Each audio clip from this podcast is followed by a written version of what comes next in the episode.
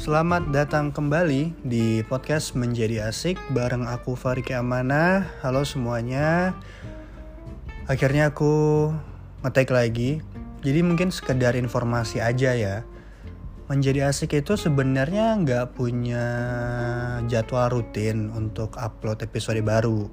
Karena ya karena ini menjadi asik gitu. ini sebenarnya kan platform yang aku bikin biar aku bisa biar aku punya wadah untuk aku tuh ngobrol santai, bincang santai, ngalor ngidul. Karena konsepnya adalah santai, jadi aku tuh pengen jadwal yang aku punya untuk bikin episode baru pun sesantai mungkin, sefleksibel mungkin. Jadi nggak ada target, nggak ada target audiens, nggak ada nggak ada target harus berapa episode per minggu atau hari apa aja untuk upload episode baru itu nggak ada. Jadi ya semutnya aku aja sih. Kapan aku pengen upload ya upload. Kapan aku pengen take ya take. Kapan aku nggak mau take ya nggak usah gitu. Jadi ya senyamannya aku aja. Nah jadi untuk episode kali ini sebenarnya aku tuh pengen cerita terkait pengalaman pribadiku. Jadi beberapa hari yang lalu aku itu mengalami kejadian. Mungkin kalian juga apa ya mengalami juga hal yang sama kayak apa yang aku rasakan, kayak apa yang aku alami juga. Jadi yang aku alami itu adalah nangis pada saat tidur gitu. Nah, jadi mungkin sebelum aku cerita ke sana, jadi aku jadi aku itu adalah orang yang sulit nangis sama sekali. Yang nggak bisa nangis, bukan nggak bisa ya, tapi sulit nangis. Mungkin kalian juga mengalami hal yang sama kayaknya sulit nangis, terkhusus yang cowok-cowok ya, karena mungkin udah terjebak dengan toxic masculinity atau mungkin mungkin ya mungkin di masa kecil kita kita itu sulit memvalidasi emosi kita. Kayak misalnya kita tuh sedih, nangis, tantrum, tapi orang tua kita tuh malah marahin kita. Jadi otomatis kan kita apa ya sulit untuk memvalidasi perasaan kita atau emosi kita pada saat itu sampai akhirnya kita dewasa kita susah nangis gitu. Ini susah nangis dalam tanda kutip bukan berarti kita nir empati ya, enggak. Kita tuh cuma sulit nangis doang. Kita berempati, kita bersimpati iya. Kita merasakan apa yang orang lain rasakan, kita bersedih atas apa yang orang alami, apa yang orang rasakan iya, cuman kita sulit aja meng, apa ya, mengkonversikan rasa empati itu ke dalam sebuah kesedihan dalam bentuk tangisan itu susah termasuk aku juga. Aku tuh susah mengkonversikan emosi dalam bentuk tangisan tuh susah banget. Mungkin kalian juga merasakan deh. Ya khususnya yang cowok-cowok tuh yang terjebak di toxic mas toxic masculinity itu. Nah jadi kembali lagi ke fenomena yang aku ceritakan tadi. Jadi aku mengalami kejadian aku tuh nangis pada saat tidur ya kan? Nah ini aku sambil nginget-nginget mimpi apa yang menyebabkan aku nangis ya. Jadi pada saat itu mimpi yang aku alami itu adalah jadi di sebuah circle. Nih latarnya itu di sebuah circle mungkin isi circle-nya itu ada sekitar 5 atau enam orang kayaknya. Terus di salah satu orang di situ eh salah satu orang yang ada di circle itu nih aku ngomong kok berbelit ya. Salah satu orang yang ada di circle itu itu adalah sebuah seorang public figure. Kok sebuah sih? Seorang public figure tokoh yang mana di situ dia menceritakan proses perjalanan hidupnya sampai dia ada di puncak karir, ya kan. Nah, sampai situ tuh nggak ada yang salah tuh kan. Sampai di akhir cerita, dia selesai cerita, tuh tiba-tiba aku itu nangis gitu. Aku itu nangis. Nah, terus si public figure ini nanya ke aku kan. Nanya. Nah, dan public figure itu di situ di mimpi itu dia adalah sosok yang aku idolakan banget lah pokoknya. Nah, si public figure itu nangis. Eh, kok dia yang nangis? Aku yang nangis. Si public figure itu nanya kenapa aku nangis. Nah, itu. Eh, ini, aduh, aduh sorry, sorry. HP-nya jatuh. Nah, kita lanjut ya. Si public figure itu nanya kenapa aku nangis. Nah, jadi aku bilang, aku itu nangis sambil terisak-isak nih sambil sambil gitu. Sambil terisak-isak pokoknya. Aku jelasin aku itu nangis karena terharu sama proses hidup yang dia udah alami. Jadi pada saat itu ya pada saat itu aku yang nangis sendirian. Jadi semua orang tuh merhatiin cerita public figure ini ya udah merhatiin aja. Tapi tiba-tiba aku nangis gitu. Padahal orang-orang di sekeliling aku, di sekeliling aku itu gak ada yang nangis gitu karena aku nangis orang-orang tuh ngeliatin aku semua kan. Terus ditanya sama public figurnya dan itu yang aku jelasin. Aku tuh terharu sama proses perjalanan hidup yang udah dialami sampai dia di puncak karirnya gitu. Nah yang anehnya adalah kok bisa aku nangis dengan kejadian kayak gitu gitu loh? Di dunia nyata aja aku nontonin orang tokoh siapa pun itu yang dia menjelaskan proses perjalanan hidupnya sampai dia sukses aja. Aku tuh nggak ada sampai nangis apalagi sesenggukan terisak-isak kayak gitu loh. Ini di mimpi aku bisa bisanya nangis gitu. Dan bahkan aku nontonin film sedih pun nggak nangis bro. Nggak nangis tapi tiba-tiba bisa-bisanya di mimpi itu aku nangis gitu. Kan aneh ya. Dan apa ya? Kejadian aku mimpi kejadian aku tidur terus nangis ini nangis pas tidur ini tuh sebenarnya nggak kejadian tuh sekali dua kali. Tapi berkali-kali aku sering mengalami kejadian ini. Tapi bukan ini ya bukan rutin ya. Dalam artian aku nangis pas tidur ini mungkin sebulan kemudian aku bakal kejadian lagi atau dua bulan atau tiga bulan setelahnya aku bakal mengalami insiden yang sama gitu. Kalian tuh mengalami hal yang sama juga gak sih? Kalian tuh merasakan mengalami nangis pas tidur juga gak sih? Nah, jadi karena aku cukup sering mengalami hal ini, aku tuh sampai nyari kan, apa sih penyebabnya kok orang itu bisa nangis pas tidur? Padahal kan mereka tidur ya, tidur. Dan kalaupun mereka mengalami mimpi buruk kan, ya udah mereka tuh nangis pada saat di mimpi aja, bukan nangisnya itu nggak kebawa di di dunia nyata gitu loh nggak sampai nangis beneran nangis ngeluarin air mata. Nah pada saat kejadian itu aku nangis sambil tidur itu aku tuh nangis memang beneran nangis gitu. Dari mana aku taunya ya kelihatan lah di bantal itu basah bantalnya basah. Basah itu di area mata ya bukan di area mulut. Kalau di area mulut yang ngecas dong lamanya. Ini di area mata. Terus mataku tuh berair pas aku bangun aku ngucek-ngucek mata mataku tuh berair bukan airnya tuh nggak dikit ya tapi banyak. Terus mataku sembab ngaca mataku merah. Ya itulah pokoknya. Memang beneran nangis. Dan pada saat mimpi itu tuh aku merasakan bahwa memang beneran terisak-isak sesungguhkan gitu. Sesungguhkannya itu kayak ke bawah sampai di dunia nyata gitu. Memang beneran terisak-isak sesedih itu. Aduh menceritakan ini kayak jadi malah bikin aku pilek ya. Nah, jadi gitu. Nah sampai akhirnya karena aku terlalu sering, bukan sering ya, nggak sering juga, tapi beberapa kali mengalami kejadian yang serupa, aku tuh cari tahu apa sih penyebabnya. Kok bisa sih orang tuh nangis pada saat tidur kan?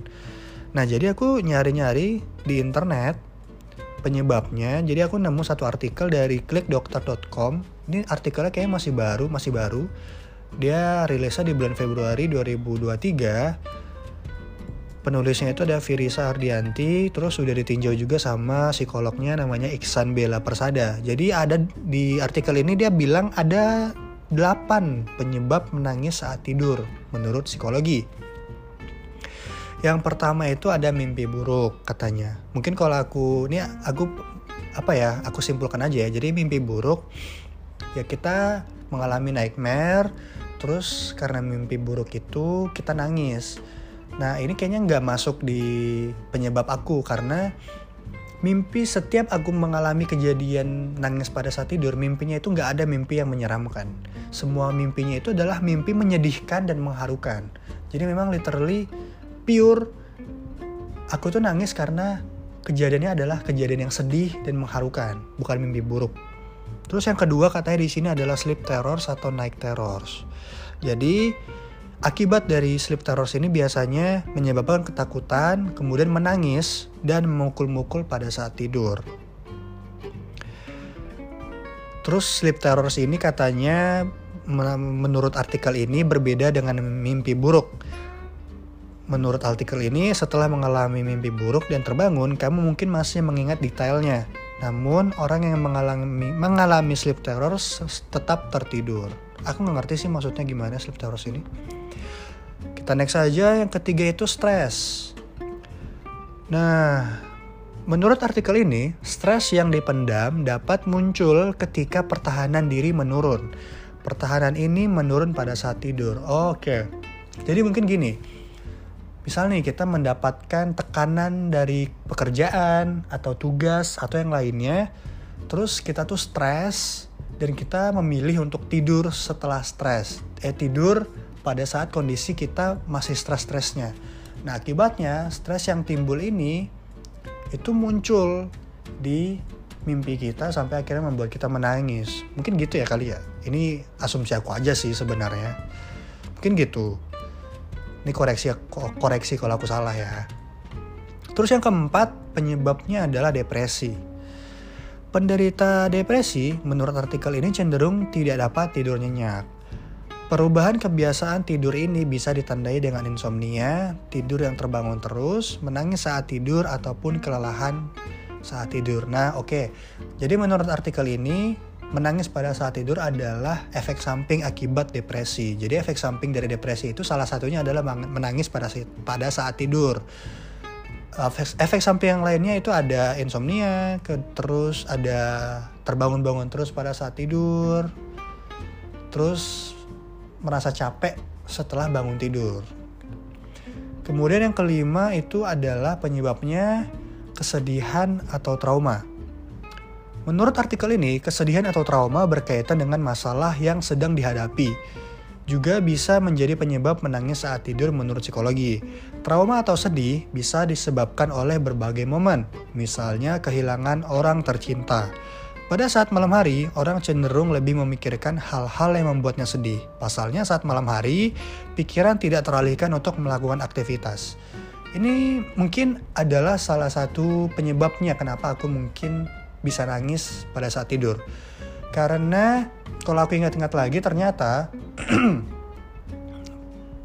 pasca atau terakhir kali aku nangis pada saat tidur itu sebelum kejadian itu aku mengalami kejadian menyedihkan jadi pada saat itu aku berpisah dengan seseorang yang membuat aku tuh sedih ya cukup sedih dan overthinking sering overthinking di malam hari sampai akhirnya mungkin kejadian lagi lah aku nangis pada saat tidur tapi yang menjadi pertanyaanku adalah kenapa ya ini kejadian juga di setiap aku nangis pada saat tidur di momen-momen yang lain yang aku udah ceritakan tadi. Kan aku nangis pada saat tidur itu kan beberapa kali kejadian ya. Nah, di setiap kejadian itu kenapa kesedihan-kesedihan yang aku alami itu tidak muncul di mimpi. Jadi mimpi yang ada pada saat aku tidur dan aku nangis itu mimpinya itu beda. Jadi mimpinya itu tidak mendeskripsikan kesedihan aku sebelumnya gitu loh. Jadi mimpinya kesedihannya apa mimpinya malah apa gitu. Kayak nggak ada nyambung nyambungnya gitu. Kenapa ya kok bisa kayak gitu? Jadi mungkin yang tersalurkan itu hanya emosinya saja tapi kesedihan atau peristiwa yang terjadi itu nggak muncul di mimpi tapi cuma kesedihannya doang yang dialihkan melalui nangis pada saat tidur. Bisa jadi kayak gitu dan mungkin kalian yang mengalami mimpi pada saat tidur eh mimpi pada saat tidur. Nangis pada saat tidur maksudnya. Mungkin salah satu penyebabnya adalah kesedihan atau trauma. Bisa jadi kalian habis putus sama pacar kalian kan uring-uringan sering overthinking malam-malam sampai akhirnya kalian tidur terus nangis pada saat tidur gitu. Kayaknya apa ya? Uh, bukan kesedihannya yang dikonversikan ke dalam tangisan bukan kejadiannya yang dikonversikan menjadi sebuah mimpi gitu. Mungkin bisa jadi kayak gitu. Asumsiku aja loh ya.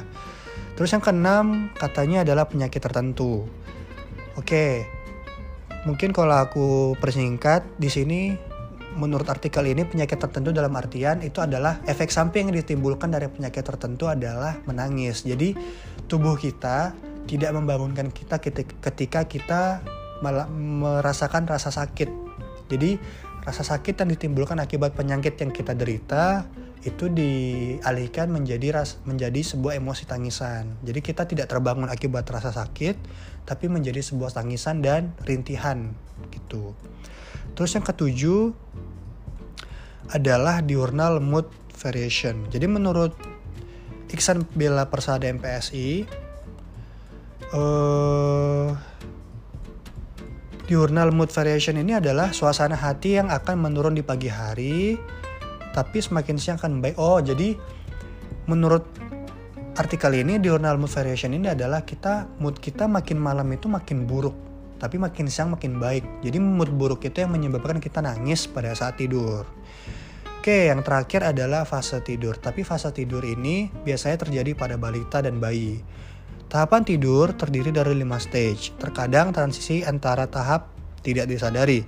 Pada bayi dan balita, transisi tersebut bisa mengganggu sehingga menyebabkan mereka menangis saat tidur. Oke, itu dia. Jadi itulah 8 penyebab. Ya, 8 penyebab kenapa kok kita bisa sih nangis pada saat tidur.